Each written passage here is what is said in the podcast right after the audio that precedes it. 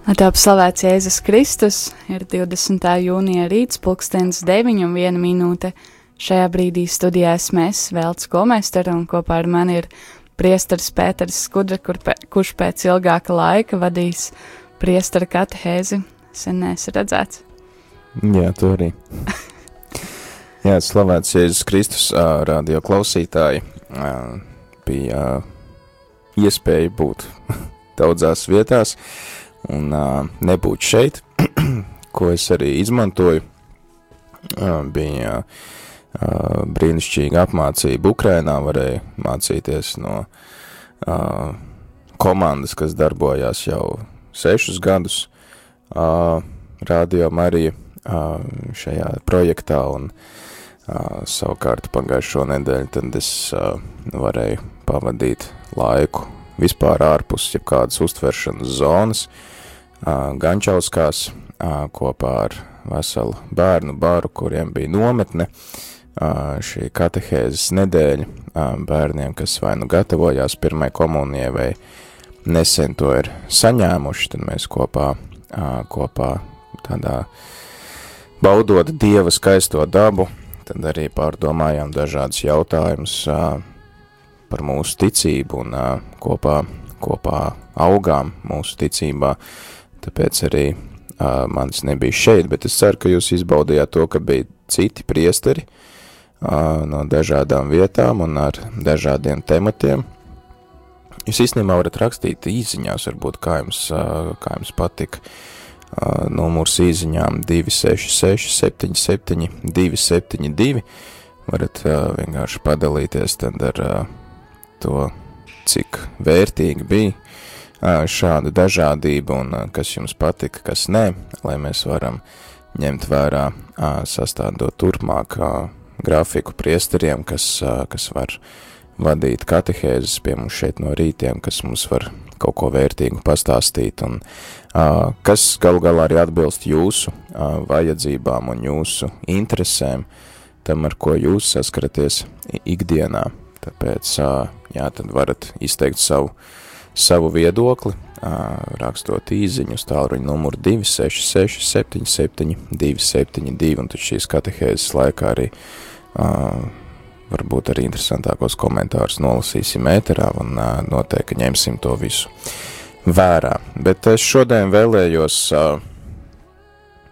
pabeigt, lasīt kopā ar jums šo pāvesta Franciska encikliku Laudato Si, kas, starp citu, sestdien svinēja tieši viena gada jubileju, jo pirms gada, tieši 18. jūnijā, šī enciklika tika uh, nu, publicēta, laista klajā, uh, padarīta pieejama cilvēkiem, un uh, tad uh, tagad baznīca uh, arī lasīja dažādus rakstus, kur atskatās tad dažādi autori šo vienu gadu, un uh, kā šī, kā šī enciklika ir, uh, nu, attī, teiksim, kā viņa ir attīstījusi kaut kādu sabiedrības domu, vai viņai ir bijusi vispār kaut kāda jēga vai nav bijusi jēga, un tad arī dažādi viedokļi par to, vai tiešām šī enciklika palīdzēs kaut ko mainīt arī sabiedrības domāšanā, sabiedrības uztverē attiecībā pret apkārtējo dabu, attiecībā pret vidas problēmām, ar kurām mēs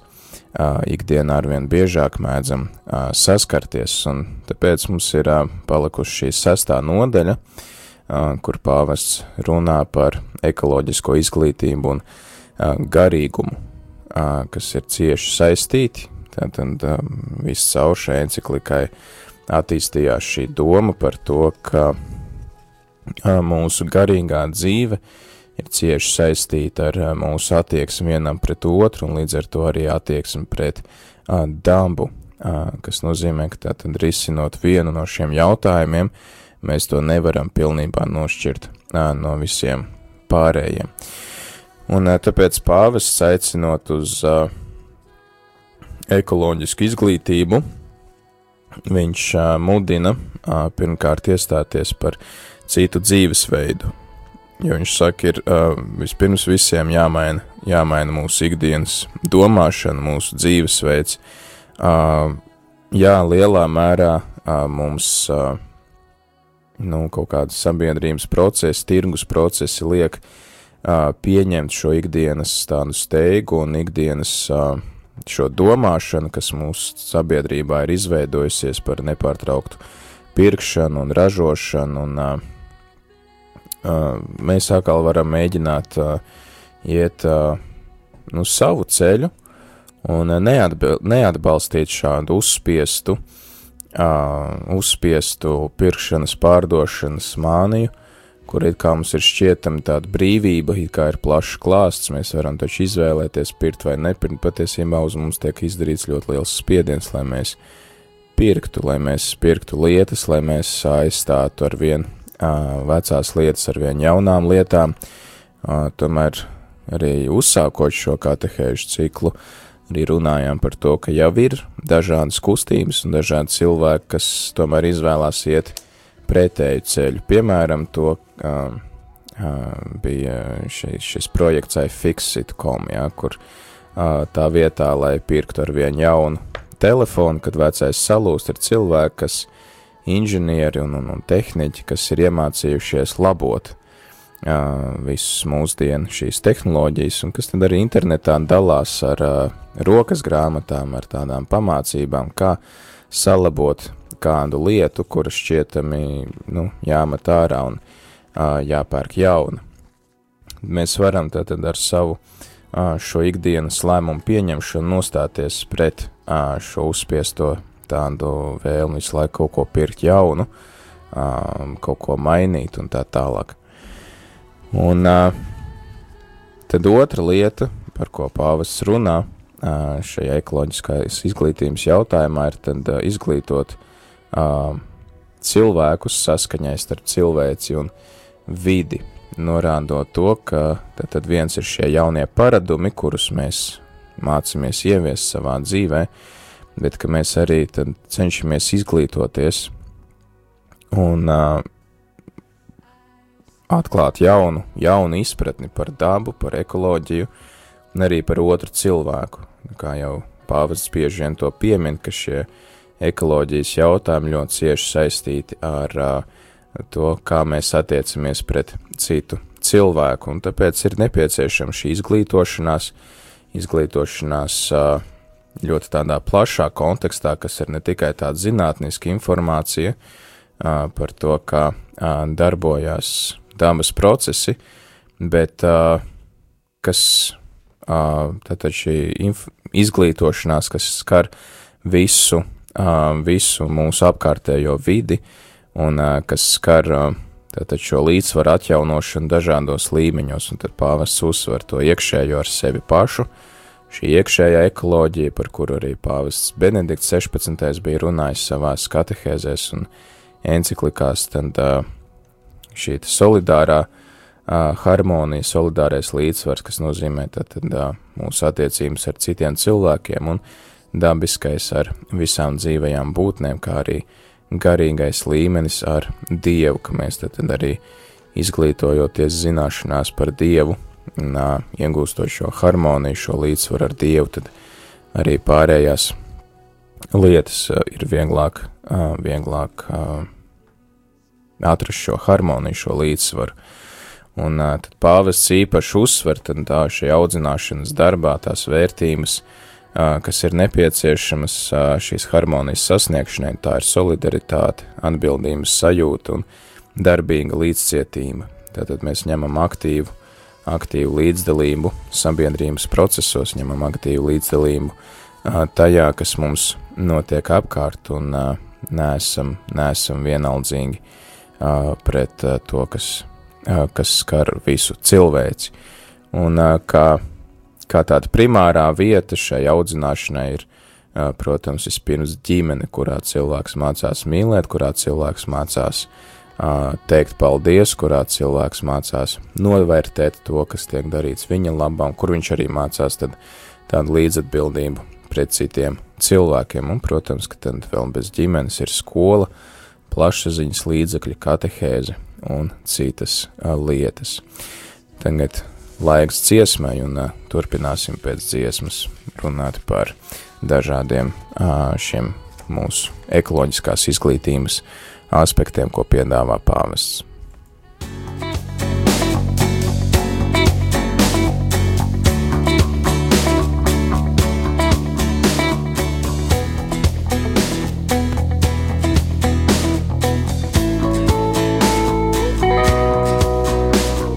Teiciet mūsu kungu, teiciet mūsu kungu, teiciet mūsu dievu, teiciet mūsu dievu, viņa vaiga priekšā, viņa vaiga priekšā, Gavilējā.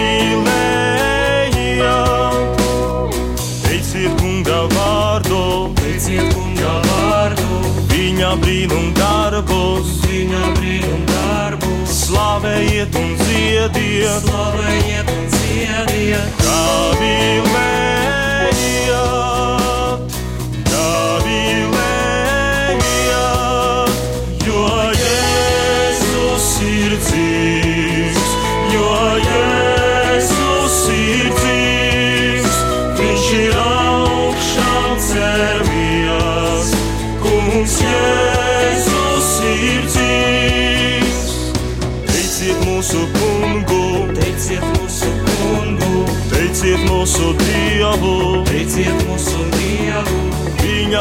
vaiga priekšā, viņa vaiga priekšā, Gavilējā.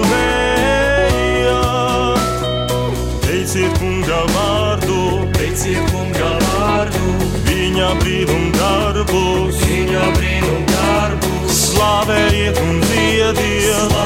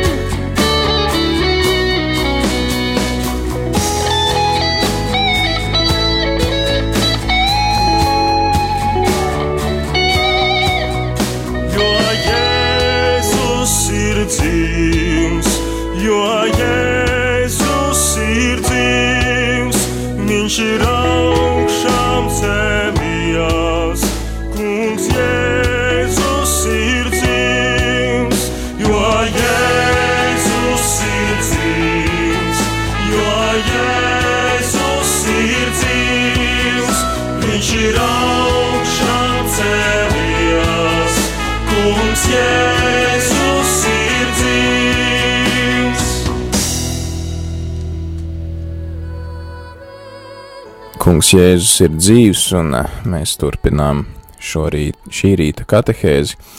Turpinām tātad iedziļināties eh, pāvesta Franciska enciklikā eh, Laudātus Sijas tevi slavēju, un tad šī enciklika tiek noslēgta ar tādiem pāvesta padomiem un ieteikumiem ekoloģiskai izglītošanai, un uh, norādot to, ka uh, šī ekoloģiskā izglītošanās cieši saistīta ar mūsu kristīgo garīgumu.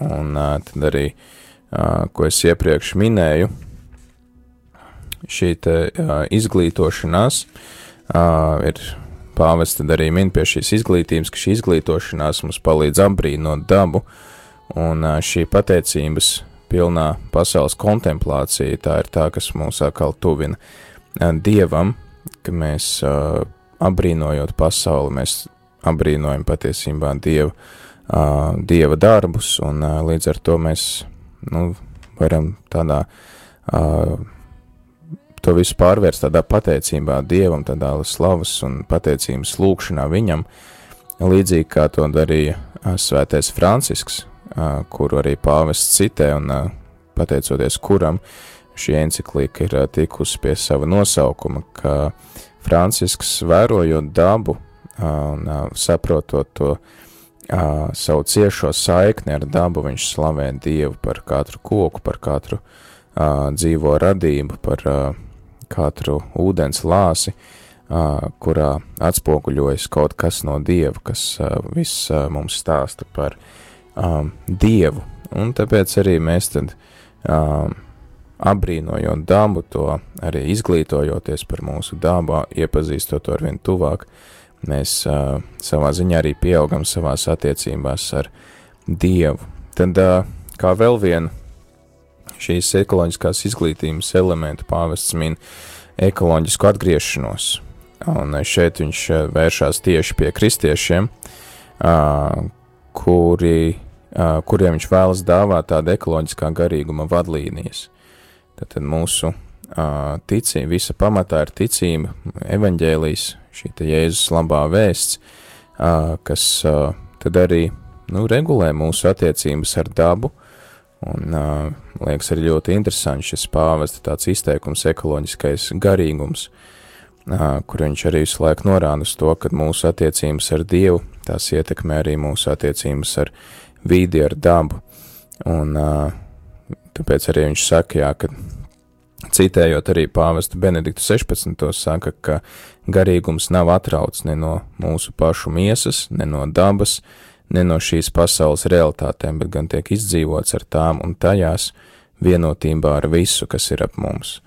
Tad, tad mēs būdami kristieši, mēs nevaram novērsties no pasaules, mēs nevaram novērsties no uh, sociāliem, ekonomiskiem, politiskiem procesiem, no dabas procesiem, vienkārši sakot, nu, mēs esam garīgas būtnes, mēs taču esam radīti debesīm, uh, šī nav mūsu tēvija, mūsu īsā tēvija ir debesis, jā, bet tajā pašā laikā Dievs mums ir devis šo pasauli šeit un tagad, un viņš uh, vēlas redzēt, ko mēs esam gatavi darīt šeit un tagad. Uh, mūsu Jā, un tas ir tas veids, kā mūsu garīgums izpaužās reālā praksē, ka tas ir uh, ciešā saiknē ar mūsu pašu ķermeni, ar apkārtējo pasauli, ar apkārtējo sabiedrību, un to ir ļoti, ļoti svarīgi apzināties. Un uh, te mēs atkal nonākam pie šī ikdienas svētuma, ka es varu būt svēts, darot savas ikdienišķās parastās lietas, ka svētums nav atrauc no mūsu profesionālā darba, no tā, ko mēs darām ikdienā, un arī tad savās attiecībās ar pasauli, ar dabu mēs varam arī sasniegt šo svētumu, izturoties pret to ar cieņu, ar apbrīnu, kā pāvests arī saka ar šo pateicības pilno kontemplācijas tādu nostāju pret dabu. Un, jā, tad tas, ko mēs varam ņemt vērā, ir tas, ka mūsu pārdomājot mūsu personīgās attiecības ar Dievu, ar Jēzu, ar to, kas man ir Jēzus, kā vakar mums evaņģēlijā. Pats Jēzus uzdev šo jautājumu, kas, ko jūs domājat, kas es esmu, tad šai atbildē viņai ir jāizpaužās konkrētā rīcībā, konkrētās attieksmēs mūsu ikdienā, un tāpēc tad arī mūsu attieksme pret dabu ir cieši saistīta ar mūsu attieksmi pret Dievu. Ja Dievs man ir kaut kas reāls, kaut kas patiesas, tad kā es izturos pret to radību, ko viņš man ir devis, vai es slavēju un pateicos Dievu par Dievam katru dienu, par to, ko viņš man ļauj piedzīvot.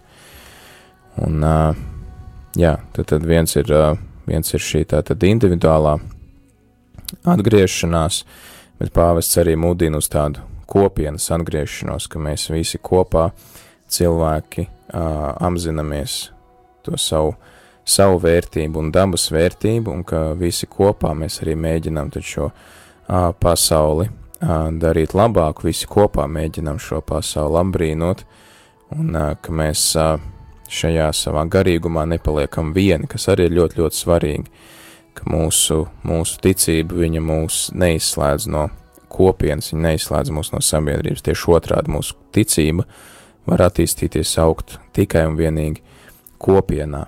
Tāpēc arī tad, tas ir aicinājums visām kopienām arī domāt par šo ekoloģisko atgriešanos, uz kuru mudina pāvests un kas skar mūs visus.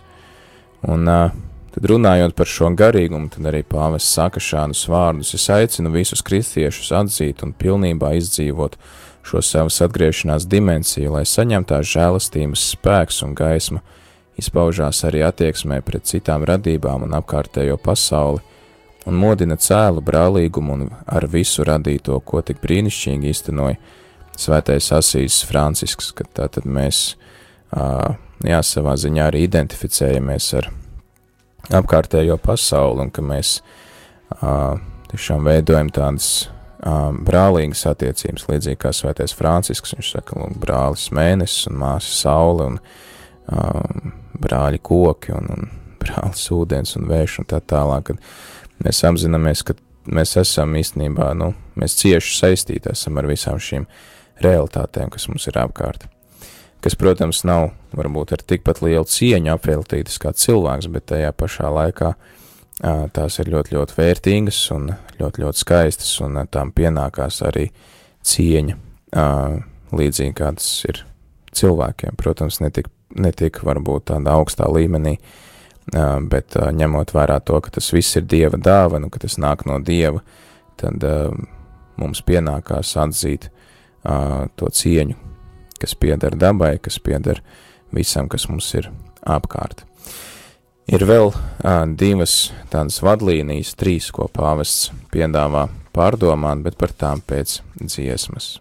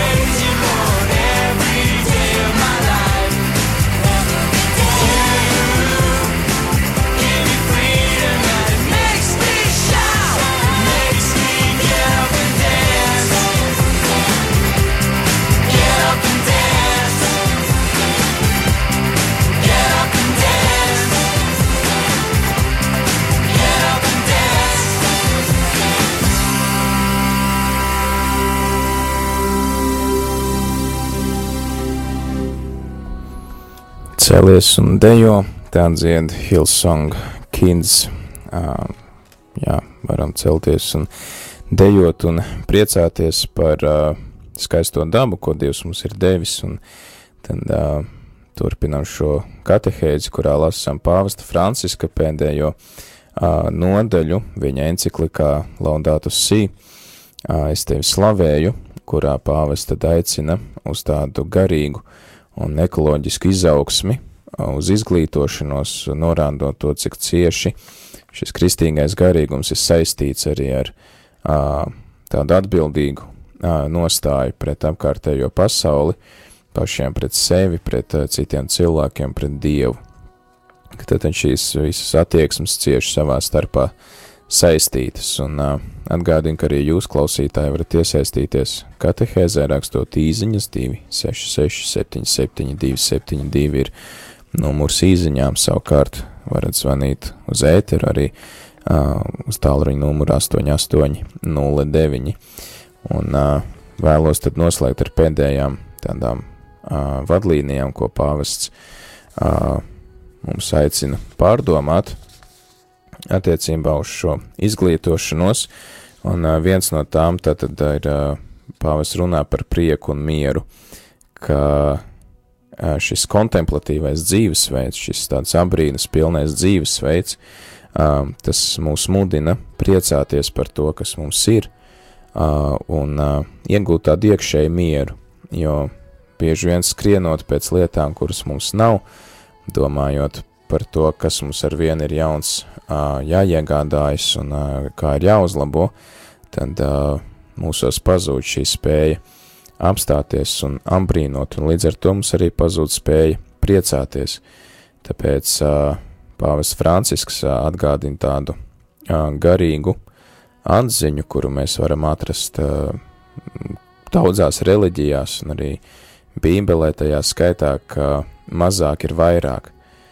Tad, ka mēs, protam, apstāties, mēs, protam, kādu brīdi uh, novērtēt to, kas mums ir, un, un par to pateikties, par to priecāties, priecāties īstenībā par katru brīdi un lietu, ko Dievs mums dāvā.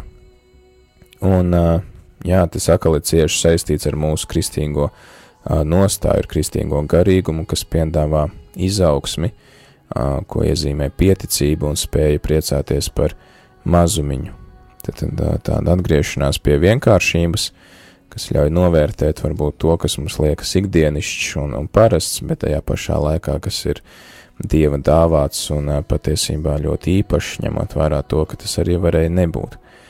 Un jā, tas ir tāds arī aicinājums mums baudīt, baudīt mirkli, baudīt to, kas ir. Protams, es neizslēdzu vienmēr šo tieksmi, pilnveidoties šo tieksmi, iet tālāk arī uh, pats Jēzus mums ir nolicis ļoti augstu to latiņu, iet, iet uz svētumu, iet uz pilnību, bet tajā pašā laikā mēs to varam darīt, iemācoties novērtēt katru mirkli, katru brīdi un izbaudot visā pilnībā to, ko Dievs mums piedāvā šajā konkrētā brīdī, šajā konkrētā situācijā.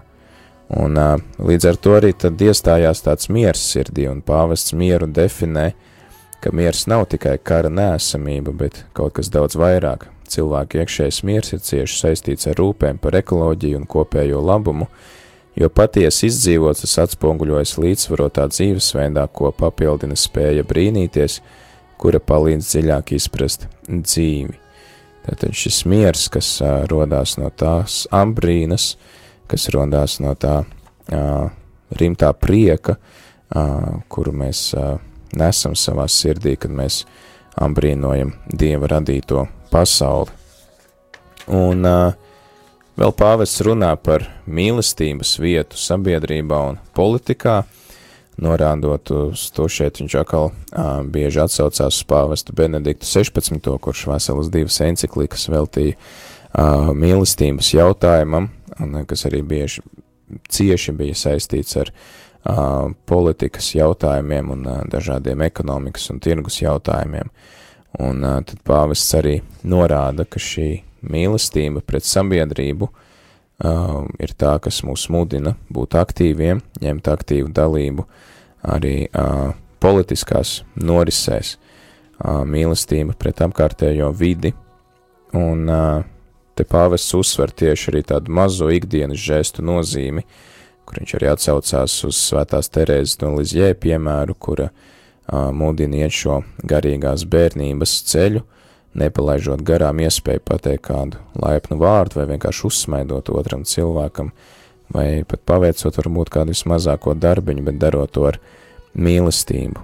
Un uh, pāvests arī atzīst, ka jā, ne katrs ir aicināts tiešā veidā iesaistīties politiskā dzīvē, tomēr uh, mūsu sabiedriskajā dzīvē ļoti daudz dažādu veidu, kā mēs varam ņemt aktīvu dalību uh, nu, sabiedrības uh, jā, tiksim, šajā sociālajā dzīvē, sabiedriskajā dzīvē.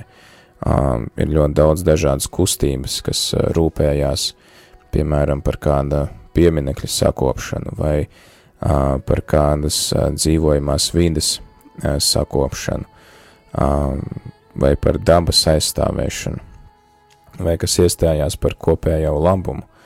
Un līdz ar, ja mēs arī iesaistamies šādās aktivitātēs,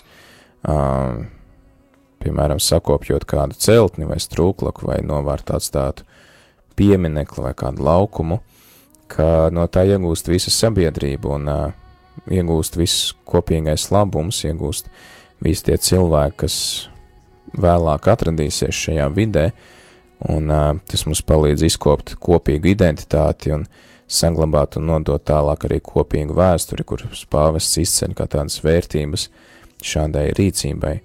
Un tā mēs ar tādiem maziem, varbūt pat neciliem žestiem tomēr rūpējamies par pasauli un padaram to labāku, un tajā visā arī tiek ielikt mīlestība iekšā, kā māte Terēza arī ir teikusi savulaik šeit Rīgā Trīsvienības baznīca ir tāds liels plakāts ar māti Terēzu, kur ir rakstīts, ka uh, mīlestība, tie darbi nav, nav svarīgi, cik lielus darbus mēs darām, bet ir svarīgi to, cik lielu mīlestību mēs tajos ieliekam. Tad arī vismazākais darbiņš, kaut vai pacelts papīrs un izmests miskastē, darīts aiz mīlestības pret citiem cilvēkiem, aiz mīlestības pret Dievu, ko es varbūt upurēju šo mazo darbiņu, kā lūkšanu Dievam, sakot, Dievs, es varbūt man ir slinkums, man negribās celt šo papīru, bet es to izdarīšu tevis dēļ ka tas, šis darbs viņš iegūst tādu ļoti milzīgu vērtību, pateicoties tai mīlestībai, ko mēs tur ieliekam. Un eh, visbeidzot, tad eh, pāvests arī runā par sakramentiem. Liekas, kāds gan varētu būt ekoloģijai un dabai un vidējas sakars ar sakramentiem, bet pāvests norāda to, ka ļoti, ļoti cieši ir šis, šī saistība. Pirmkārt jau ar to, ka Dievs tātad ir klātesošs visā dabā, Viņš, viņš ir visā tajā atrodams, ko viņš pats ir radījis. Pāvests Francisks arī citē Jāni no Krusta, kurš ambrīno kalnus, ambrīno ielejas un tajās atrod Dievu. Sakot, kalniem ir virsotnes, tie ir augsti, plaši un jauki, skaisti, pilni ziediem un smaržām. Mans mīļotais man ir šie kalni. Tāpat līdzīgi arī viņš ambrīno ielejas un tāpat atrod arī Dievu ielējās. Un tad sakramenti, esmu jau iepriekš stāstījis par to, ka sakramenti tā tad ir tie līdzekļi, kā Dievs mums neredzamas žēlastības dāvāt savu redzamām zīmēm, un šīs redzamās zīmes ir tieši dabā atrodami elementi - ūdens, eļļa, cilvēku žesti, tas viss ir tātad dabas elementi, kaut kas tāds pavisam ikdienišķs, bet caur ko Dievs mums ļauj piedzīvot pārdabisku realitāti. Piemēram, kristībās ūdens, kad liekas pavisam ikdienišķi realitāte, bet uh, tajā pašā laikā kristībās ūdens kļūst par avotu jaunai dzīvei, kļūst par jaunu, kļūst par avotu svētiem garam, kas ienāk šajā cilvēkā, kurš tiek kristīts. Un uh, jā, tad uh, tas arī parādās to, ka cilvēks, nevis cilvēks, bet ka Dievs viņš nenoraida matēriju, bet tieši otrādi viņš izmanto matēriju, matērija iegūst tādu um, pilnīgi citu jēgu, pateicoties Dieva darbībai. Un uh, arī pāvests saka šādus vārdus, viņš uh, citē Jā, Jāņa Pāvila otrā vēstuli, uh, Es gan nezinu, par ko ir šī vēstule, ir nosaukums ir uh, Orientāla Lumen, bet tad, tad pāvis uh, citējot Jāni Pāvilu II uh, saka šādus vārdus: Kristietība nenoraida matēriju miesīgumu tieši otrādi. Miesīgums pilnībā tiek novērtēts liturģijā, kur cilvēka miesa atklāja, ka tā dziļākajā būtībā ir svētā gara templis un kļūst vienot ar kungu Jēzu, kas arī pieņēma miesu, lai atpestītu pasauli. Tātad šie dabas elementi, kas uh, mums ikdienā var arī kalpot kā tāds simbols tam, uh, cik ļoti Dievs mīl pasauli un cik ļoti viņš ir klātesošs mūsu vidū.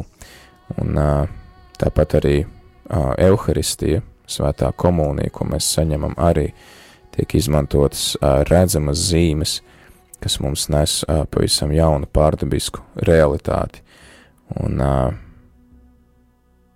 jā, tik daudz tad par šo, par šo encikliku un par šo mūsu ikdienas garīgumu, kas ir cieši saistīts ar šo ekoloģisko atgriešanos. Tad atgādinu, ka arī jūs, klausītāji, varat iesaistīties šajā katehēzē ar saviem jautājumiem, ar saviem komentāriem. Tagad noklausīsimies dziesmu, bet tad uh, vēl te pirms tam jums izstāstīs vēlreiz veidus, kā mēs varam uh, komunicēt un viens otru papildināt šajā katehēzē. Ja tad izmantojiet šo atlikušo laiku līdz pulkstens desmitiem, kad uh, turpināsim rīt ar lūkšanu. Iespējas uzdot jautājumus ir pirmkārt īziņā. Jūs varat rakstīt īziņu uz tālruņa numuru 266 772 72. Un tāpat priecāsimies dzirdēt arī kādu zvanu. Un tālruņa numurs studijā ir 8809. Tad, nu, pēc nākamās dziesmas ceru, ka varēšu uzdot priesterim Pēterim jūsu iesūtītos jautājumus, kā arī iespējams atbildēt uz kādu zvanu.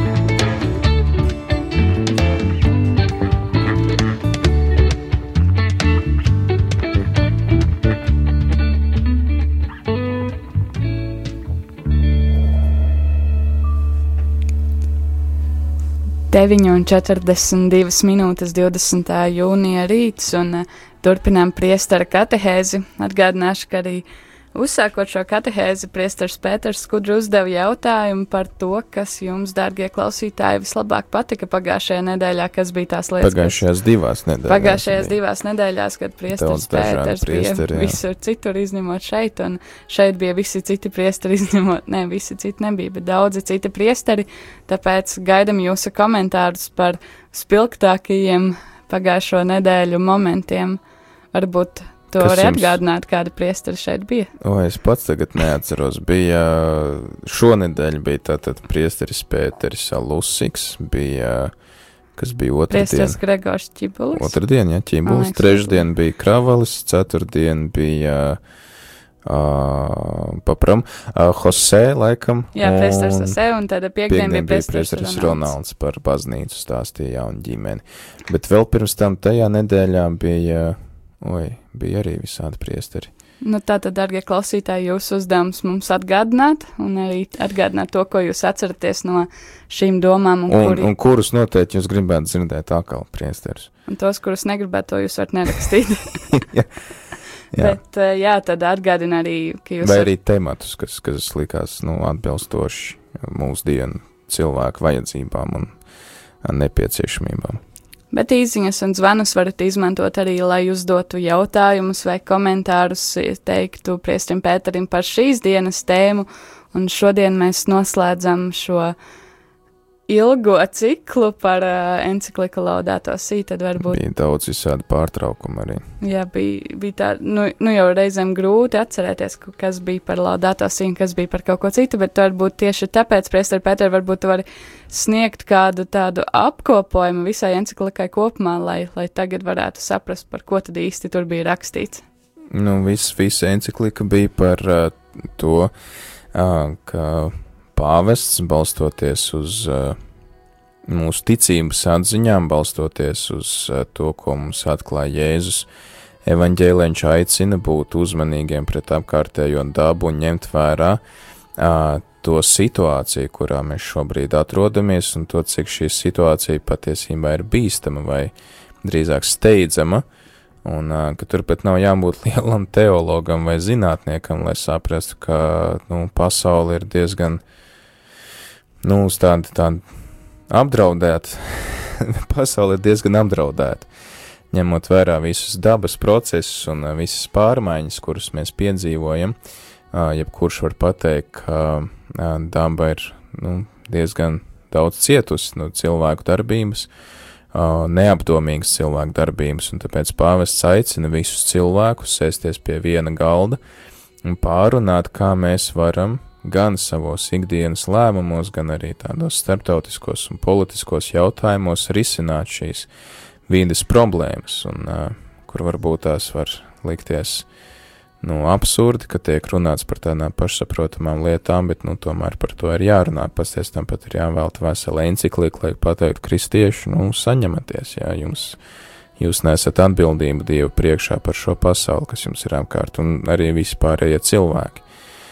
Tas ir tāds dialogs ar zinātni, dialogs ar apkārtējo pasauli, dialogs ar visiem labas gribas cilvēkiem, kā pāvests arī sāka, viņš šo encikliku veltīja visiem labas gribas cilvēkiem, lai kaut ko darītu lietas labā, lai mudinātu cilvēkus kaut ko darīt lietas labā, lai uzlabotu apkārtējo vidi un lai domātu arī par nākamajām paudzēm, kas nu, šo zemi mantos no mums un kādu šo vidi mēs atstāsim viņiem.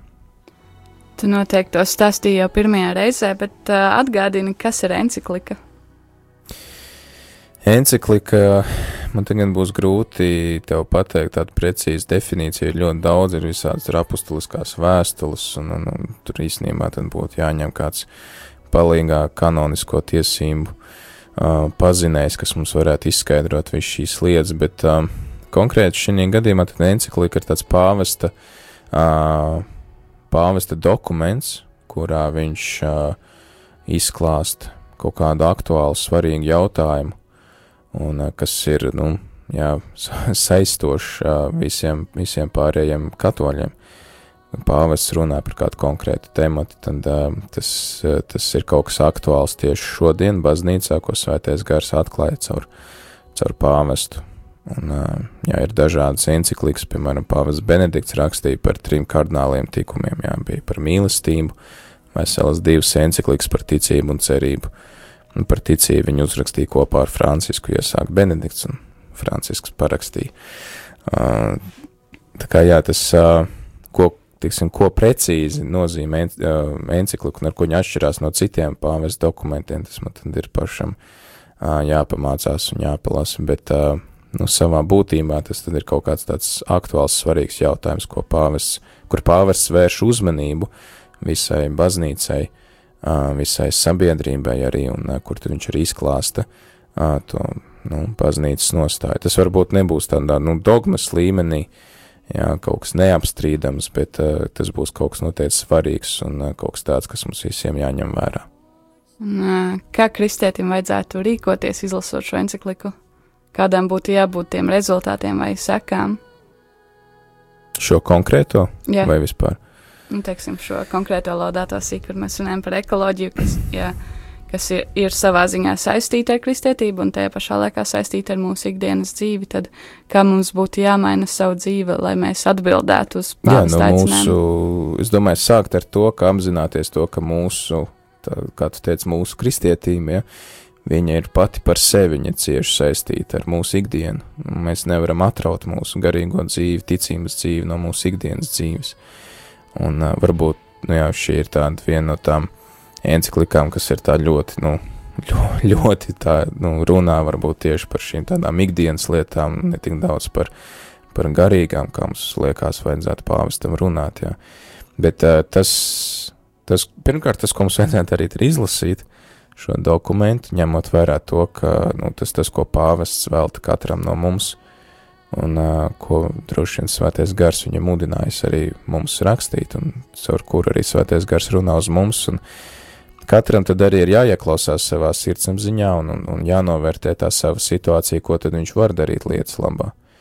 Nu, vispirms jau ieņemt šo, nu, tādu, nu, nostāju šo, šo tādu jau vēlmi un apņemšanos kaut ko mainīt, kaut ko darīt attiecīgi savai situācijai, attiecīgi savam uh, statusam, savam stāvoklim sabiedrībā un, un attiecīgi savām spējām, jo, nu, viens varēs darīt vienu lietu un nu, cits, cits varēs atkal darīt kaut ko citu, bet uh, tas, kad, nu jā, mēs, es domāju, tā svarīgākā lieta ir vienkārši, ka es izvēlos ņemt vērā to, uz ko mani mudina pāvests, un uh, ka es ar tādiem kaut kādiem ikdienas žestiem cenšos arī to ieviest praktiski savā dzīvē.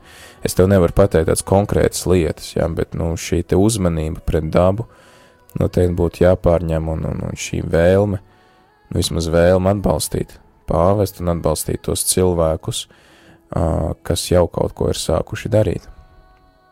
Vai ir kāda atziņa, kas tev, Priestrim Pēterim, personiski ir svarīga izlasot šo encikliku? Man personīgi tas, kas manī rezonē, ir tieši šī saistība, ko pāvests norāda, ka um, mūsu garīgums ir cieši saistīts ar mūsu attiecībām ar citiem cilvēkiem un attiecībām ar apkārtējo dabu. Uh, man liekas, ka tas ir tas ļoti, tas, kas man liekas ļoti būtisks kristietībā, ka mūsu ticības dzīve nav atrauta no pasaules, nav atrauta no realitātes. Bet tieši otrā tā realitātei dod tādu citu jēgu, tā dod tādu dievišķu, tādu dievišķu iezīmi tai visai realitātei, kas mums ir apkārt. Un, uh, nu jā, tā kā es varbūt pats esmu arī kādreiz saskāries tādu viedokli, ka, nu, tas, kas skar uh, ikdienas dzīvi, tas ir otršķirīgi un galvenais ir būt garīgam un, un, un, un, un, un lūkšanas cilvēkam, tad, nu, es vēlreiz guvu tādu apstiprinājumu, ka tā nav.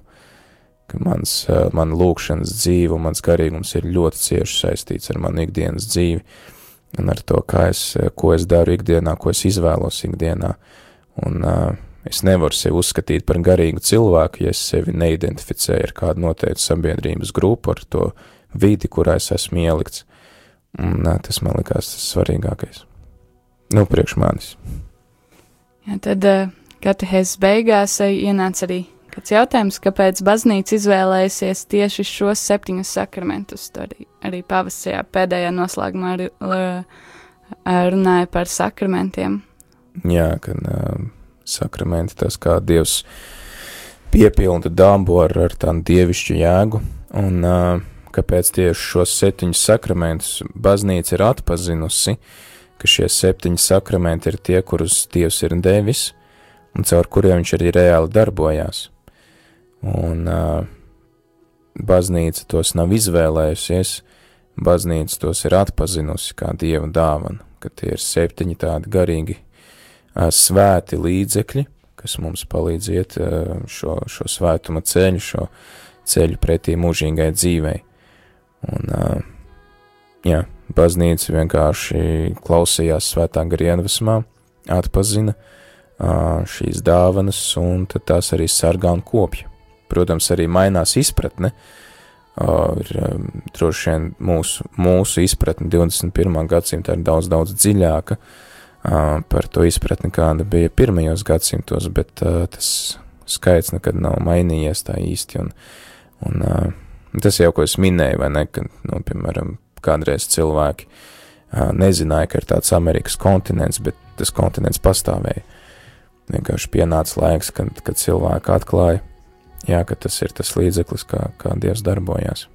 Vai tīri teorētiski pastāv iespēja, ka baznīca kaut kad nākotnē atklāja vēl kādu sakramentu? es stipri šaubos. es domāju, ka nē. Tā, tad uh, atnāca tikko vēl kāds jautājums. Lai slavēts Jēzus Kristus, klausoties radio Marija, darb, daru darbus un lūdzos ar rožu kroni un citas lūkšanas, bet tas notiek kustībā darot šos darbiņus.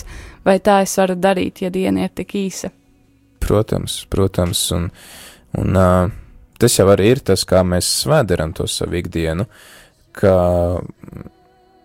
mēs uh, savus ikdienas darbus veltam veltam dievam. Tas arī, ko, ko mēs uh, dzirdējām no pāvesta Franciska, ka viņš citē um, Terēzi no bērna Jēzus, ka viņa tad, tad aicina veikt mazas lietas, bet ar mīlestību un veltīt tās dievam. Un uh, varbūt arī es esmu gatavs izdarīt darbu, kuru man negribās darīt, bet kas man ir jāpadara, bet es saku, Dievs, es to izdarīšu tevis dēļ. Uh, šajā sakarā man pašam ir tāds, tāds stimuls, ir vēstule kolosiešiem, 3. 4. nodaļa, kur apustulis Pāvils, runā par tādām ikdienas, ikdienas attieksmēm, kuras mēs varam veltīt Dievam, un, un, un, un viņš arī 4. nodaļā, ja viņš vēršās pie šiem, es jau esmu bieži citējis pie šiem vergiem, ja, ka jūs, ja jūs strādājat, jūs nedariet to darbu saviem kungiem, jūs darat to darbu uh, savam kungam Jēzum Kristu, un savukārt tā kā tiem uh, vergturiem viņš saka, ja, jūs pret šiem saviem padotajiem izturaties kā pret uh, saviem brāļiem ticībā, uh, kas nozīmē, ka šis mūsu profesionālās attieksmes, mūsu profesionālās attiecības var kalpot uh, kā līdzeklis svētdarīšanai. Svētais Hosimarijas skrīva visu savu dzīvi veltīja tam, lai uh, palīdzētu cilvēkiem atklāt to, kā viņa profesionālais darbs uh, var kalpot par uh, svētdarīšanas līdzekli, par uh, lūkšanu. Un uh, Arī kā Pāvils, apustulis Pāvils raksta vēstulē romiešiem 12. nodaļā, jā, ka tas veltiet sevi kā dzīvu upuri Dievam, jā, ka visu, ko es daru, es to varu veltīt Dievam kā lūkšanu, kā upuri. Bet tajā pašā laikā es tomēr ieteiktu atrast kādu laiku, tomēr apstāties un, un veltīt laiku tikai Dievam, lai nav tā, ka es, protams, tas ir labi, ka es, es apzinos to, ka Dievs ir kopā ar mani, kad es daru savus ikdienas darbus, mazgāju traukus, eju uz darbu, skrienu uz skolu, cenšos nenokavēt tikšanos, bet kad ir laiks tomēr apstāties un veltīt laiku tikai vienīgi Dievam. Kaut vai tās būtu 10-15 minūtes dienā, bet tas ir tikai viņam veltīts laiks, kurā es vienkārši apstājos un, un paklausos, tad ko Dievs mums to visu vēlās atbildēt, ko es viņam varbūt visu dienas garumā stāstījis un teicis. Vēl pēdējais jautājums, kā ir ar kāju mazgāšanu, kāpēc tas nav sakraments? Tāpēc, ka Jēzus negribēja to kā sakramentu. Bet uh, kas tāpat laikā arī ir tāds ļoti nu, zīmīgs simbols. un uh, tāds, tāds pazemības žests, kuru mēs, ja tā ir domāta, teiksim, kāja mazgāšana citam, kur es varbūt arī varu kādreiz uzdrošināties veikt kā tādu simbolu, lūdzot piedošanu un uh, varbūt parādot to, cik otrs cilvēks man ir dārgs un, un tūs, kad es esmu gatavs arī viņam uh, mazgāt kājas un savā ziņā pazemoties viņa priekšā. Bet tas, tas var būt par tādu ļoti labu garīgās dzīves līdzekli, jā, bet, nu, tomēr Dievs to nav izvēlējies kā tādu svētdarīšanas līdzekli, kā sakramentu, tā kā, nu, tas ir atkarīgs šoreiz no Jēzus. Paldies par atbildēm uz jautājumiem. Bija prieks redzēt tevi šeit studijā. Vairs nav? katehēzi. Joprojām ir, bet ir noslēdzies tavs katehēzes laiks, tad pēc nākamās dziesmas uh, kopā lūksimies litāni arī. Kopā ar tevi, dārgais radio klausītāji, pulkstens ir 9 un 58 minūtes.